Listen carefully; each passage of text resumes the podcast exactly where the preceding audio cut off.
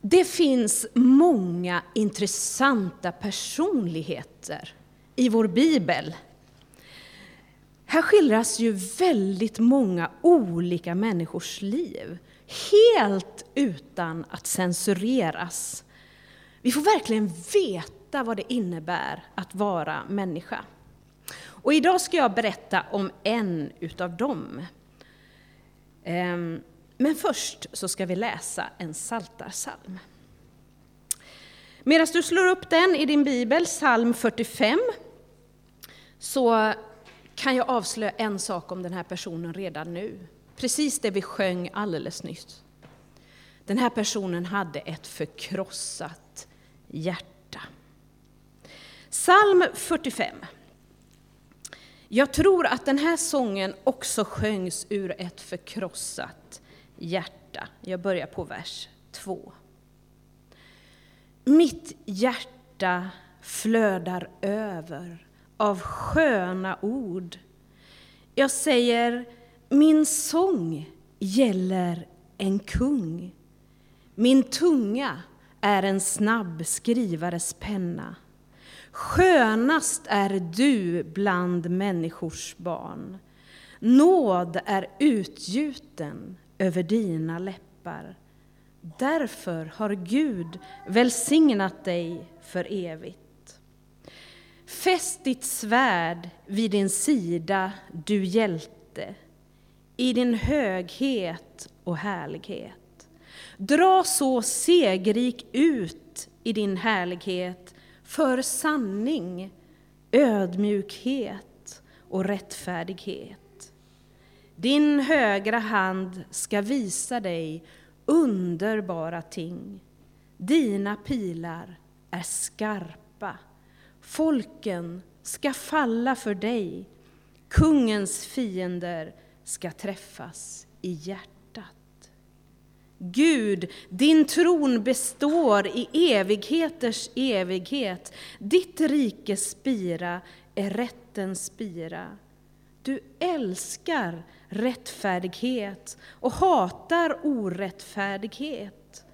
Därför, Gud, har din Gud smort dig med glädjens olja mer än dina medbröder. Av myrra aloe och kassia doftar alla dina kläder. Från elfenbens palats gläder sig strängars klang. Kungadöttrar är bland dina utvalda. Drottningen står vid din sida i guld från Ofir. Hör, dotter, och lyssna. Glöm ditt folk och din fars hus och låt kungen åtrå din skönhet, för han är din Herre. Böj dig och tillbe honom.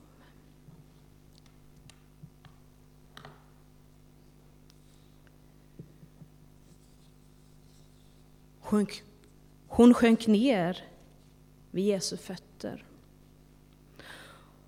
som hon hade gjort så många gånger tidigare. Hon befann sig i Simons hus i hennes egen hemby. Det var fest. Hon hade tänkt på det länge. Hon ville verkligen visa Jesus sin kärlek och nu hade hon chansen. Maria hade med sig det dyrbaraste hon ägde. Det fanns en alldeles speciell känsla i närheten av Jesus. Hon hade upplevt det många gånger och nu låg hon vid Jesu fötter och mindes allra första gången hon hade suttit där vid hans fötter. Hon hade blivit så fascinerad. Han, Jesus, var inte som andra. När han såg in i hennes ögon så visste hon att hon hade ett eget värde. Att Gud hade skapat henne och att även hon var viktig. Allt han sa var liksom liv och det gav henne nytt. Hon kunde inte sluta lyssna på honom. och det hade retat upp hennes syster. Säg till henne att hjälpa till, hade Marta sagt. Maria hade inte glömt vad Jesus hade svarat. Det var en tydlig bekräftelse som hon aldrig hade fått tidigare. Trots att hon naturligtvis borde ha hjälpt till, så sa Jesus att hon, Maria, hon hade valt det bästa. Hon som alltid hade valt fel. Hos Jesus blev liksom allting rätt, till och med det som andra tyckte var fel. Sedan den stunden hade det blivit många fler stunder när Maria hade haft chansen att lyssna till Jesus. Men när hon låg där vid hans fötter nu så fylldes hon av tårar. Hon kom att tänka på allt vad denne Jesus hade gjort med henne och med hela hennes familj. De hade verkligen blivit vänner. Tårarna vette hans fötter, men hon visste att han skulle tycka om det. Han tyckte om henne så helt igenom, så ingenting kunde bli fel där vid hans fötter. Det fanns faktiskt ingen annan plats på hela den här jorden där hon hellre skulle vilja vara än här, nära honom, nära Jesus. Men hon grät och vette hans fötter så mycket att hon blev tvungen att torka av dem med sitt hår. Hon tänkte på att allting blir ändå rätt på något vis när Jesus är med. Det visade sig sådär väldigt tydligt den där gången när Lazarus, hennes bror, blev sjuk. Först trodde de att Jesus hade struntat i dem. Han kom inte när de hade skickat efter honom. Och de kände sig svikna av den som, hade kommit, som de hade kommit att sätta hela sitt hopp till. När Jesus kom så var det för sent. Och Maria ville inte ens träffa honom. Besvikelsen var för stor. Systern Marta gick ut till Jesus, men Maria stannade kvar hemma. Han hade svikit och kommit för sent. Lazarus var både eh, död och begraven. Allting var faktiskt för sent. Hur skulle systrarna klara sig nu? Lazarus var ju deras enda livförsäkring. Varför skulle en sån underbar människa som hennes bror behöva dö? Och varför kunde inte deras vän Jesus ha kommit innan det var för sent? Då kom Marta gående till Maria och sa Mästaren är här och kallar på dig. Hoppet hade tänts motvilligt i Maria. Mästare, hade hon tänkt. Bara det ordet gav hopp. Från att ha tänkt svikare om honom så tändes en längtan att få träffa honom trots att han kommit alldeles för sent. Hon hade rest sig hastigt upp och gått till den plats där Jesus var. Hon hade kastat sig ner vid hans fötter, precis som hon brukade göra när de träffades. Herre, om du hade varit här! Maria hade aldrig kunnat vänta sig den reaktion som, han nu, som hon nu fick bevittna. Jesus blev upprörd och så gick han till graven. När Maria tänkte på allt detta som hade hänt så grät hon ännu häftigare och tårarna strömmade ner på hans fötter. Tänk att han gjorde Lazarus levande igen! Det kändes som en dröm. Men det är sant, tänkte hon. Jesus gjorde det verkligen. Maria tittade bort mot sin bror. Han satt där, livslevande. Han var med på festen i Simons hus. Och många hade kommit hit för att få se honom levande. Maria var så tacksam. Och ända sedan Jesus hade uppväckt hennes bror så hade hon ville visa Jesus på ett tydligt sätt hur mycket hon älskade honom över allt annat. Och nu låg hon där på golvet i Simons hus och hon mindes allt och grät över sitt eget liv som hon samtidigt var så tacksam och lycklig över. Det var inte konstigt alls att tårarna strömmade så. Hon brydde sig inte ett dugg om vad människorna på festen skulle tycka om hennes uppförande. Hon hade fått chansen och nu tänkte hon göra det.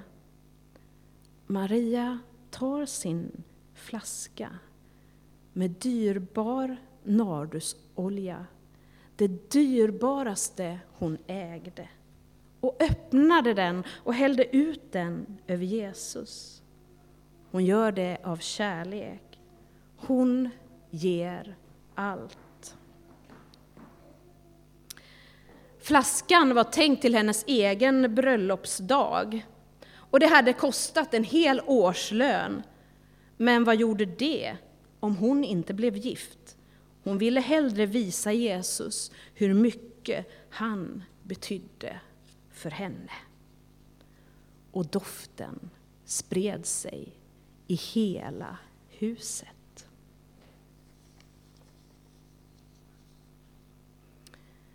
Maria, ja.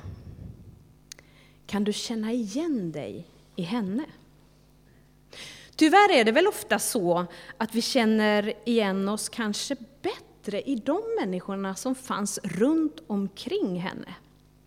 Jag kan känna igen mig i Marta, hennes syster. Hon såg vad som behövde göras och hon gjorde det. Hon ville liksom få det gjort. Hon var förmodligen mycket effektiv. Det var hon som tog tag i saker och ting. Men jag kan också känna igen mig i Judas Iskariot, som i den här situationen kom med förslaget att den där oljan borde nog ha sålts istället. Den var ju värd en förmögenhet och så kunde man ju ge pengarna till de fattiga. Ett mycket vettigt förslag, eller hur? Jag kan också känna igen mig i de människorna som kom till festen i Simons hus. Det var ju faktiskt en del som kom mer för att titta på Lazarus än för att möta Jesus. Undret fascinerade mer än den som hade gjort undret. Men kan jag känna igen mig i Maria? Kan du? Det är faktiskt svårare. Hennes hängivenhet och kärlek ser jag alldeles för lite av i mitt eget liv. Hon kom bara för Jesu skull. Maria älskade Jesus och det var det som avgjorde hennes handlingar. Vi styrs väldigt ofta av annat än kärleken till Jesus.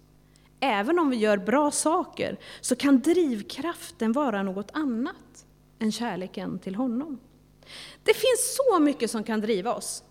Stress, egna ambitioner, längtan efter att bli sedda, lust, pengar. Ja, du kan göra listan hur lång som helst. Sådana här saker driver oss, och jag säger inte att det är fel. Men det finns en ännu bättre drivkraft, den som drev Maria, kärleken till Jesus. När någon drivs av kärleken till Gud så är det stor risk att de som står runt omkring föraktar honom eller henne för det val som hon har gjort. Människor runt Maria reagerade så om och om igen. Hennes syster tyckte att hon var lat. Judas Iskariot tyckte att hon slösade bort sina resurser helt felaktigt. Kontrasten är stor mellan Maria och de som står runt omkring henne. Och speciellt då Judas Iskariot. Maria är synderskan som genom sin ångerfyllda handling får förlåtelse och blir tröstad och upprättad av Jesus. Judas, det är ju den av Jesus utvalda lärjungen som genom sitt svekfulla handlande så småningom mister sin plats bland de tolv. Kontrasten är talande och faktiskt ganska skakande. Det tyder ju på att det är möjligt att kasta bort den nåd man har fått. Men vi får också veta att synd och misslyckande inte hindrar stor kärlek, utan snarare ökar vår tacksamhet och kärlek till Jesus. Vad tycker då människor om eh, sådana där andra människor som ger det dyrbaraste, sitt allt, till Jesus? Är det slöseri att ge det dyrbaraste man har, ja till och med sitt eget liv, till Jesus? Och den människan som faktiskt gör det möts väldigt ofta av världens protester. För hur är det egentligen med människor som vill ge sitt allt till Jesus? Till exempel missionären som åker till ett fattigt land och ger all sin tid i slummen. Eller den intelligenta unga människan som väljer att jobba i en frikyrka med ganska dåligt betalt istället för att utbilda sig och bli någonting högavlönat. Eller volontären som sliter utan att få en enda krona. Eller vad tycker vi egentligen om den som ägnar sitt liv åt bön i något undanskymt kloster? Jag tror att alla de här människorna nog har fått höra vilket slöseri! Skulle du inte göra någonting vettigt med ditt liv istället? Det är ofta så vi reagerar när människor ger sitt allt till Jesus. Och ändå så är det väl just det som vi längtar efter. Om vi har förstått vem Jesus är, så blir det enda naturliga att hylla honom, att falla ner inför honom, att ligga vid hans fötter, att gråta över vårt eget liv och be honom om nåd. Han är den högste, kungars kung och herrars herre. Han är värd all vår lovsång. Genom honom skapades ju precis allt. Och det är också han som har köpt oss fria. Idag utmanas vi att ge vårt allt till Jesus. Det finns inget annat som gläder Jesus mer än just det. Att inte bara leva för sig själv och samla på sig pengar, prestige och andras gillande, utan likt Maria ge det dyrbara, till och med sitt eget liv, till Jesus. Det är så den goda doften sprids. Vi ber tillsammans, och jag ber med utgångspunkt från den psalm som jag läste, psalm 45. Herre, Låt också mitt hjärta flöda över, likt Marias hjärta. Du är den skönaste. Tack för att du är den som för, försvarar både sanning, ödmjukhet och rättfärdighet. Herre, träffa oss i hjärtat med din pil, Jesus. Herre, jag vill också hälla min olja över dig och göra dig glad. Låt mig få vara i din närhet och känna din doft. Herre, jag faller ner inför dig, Jesus. Amen.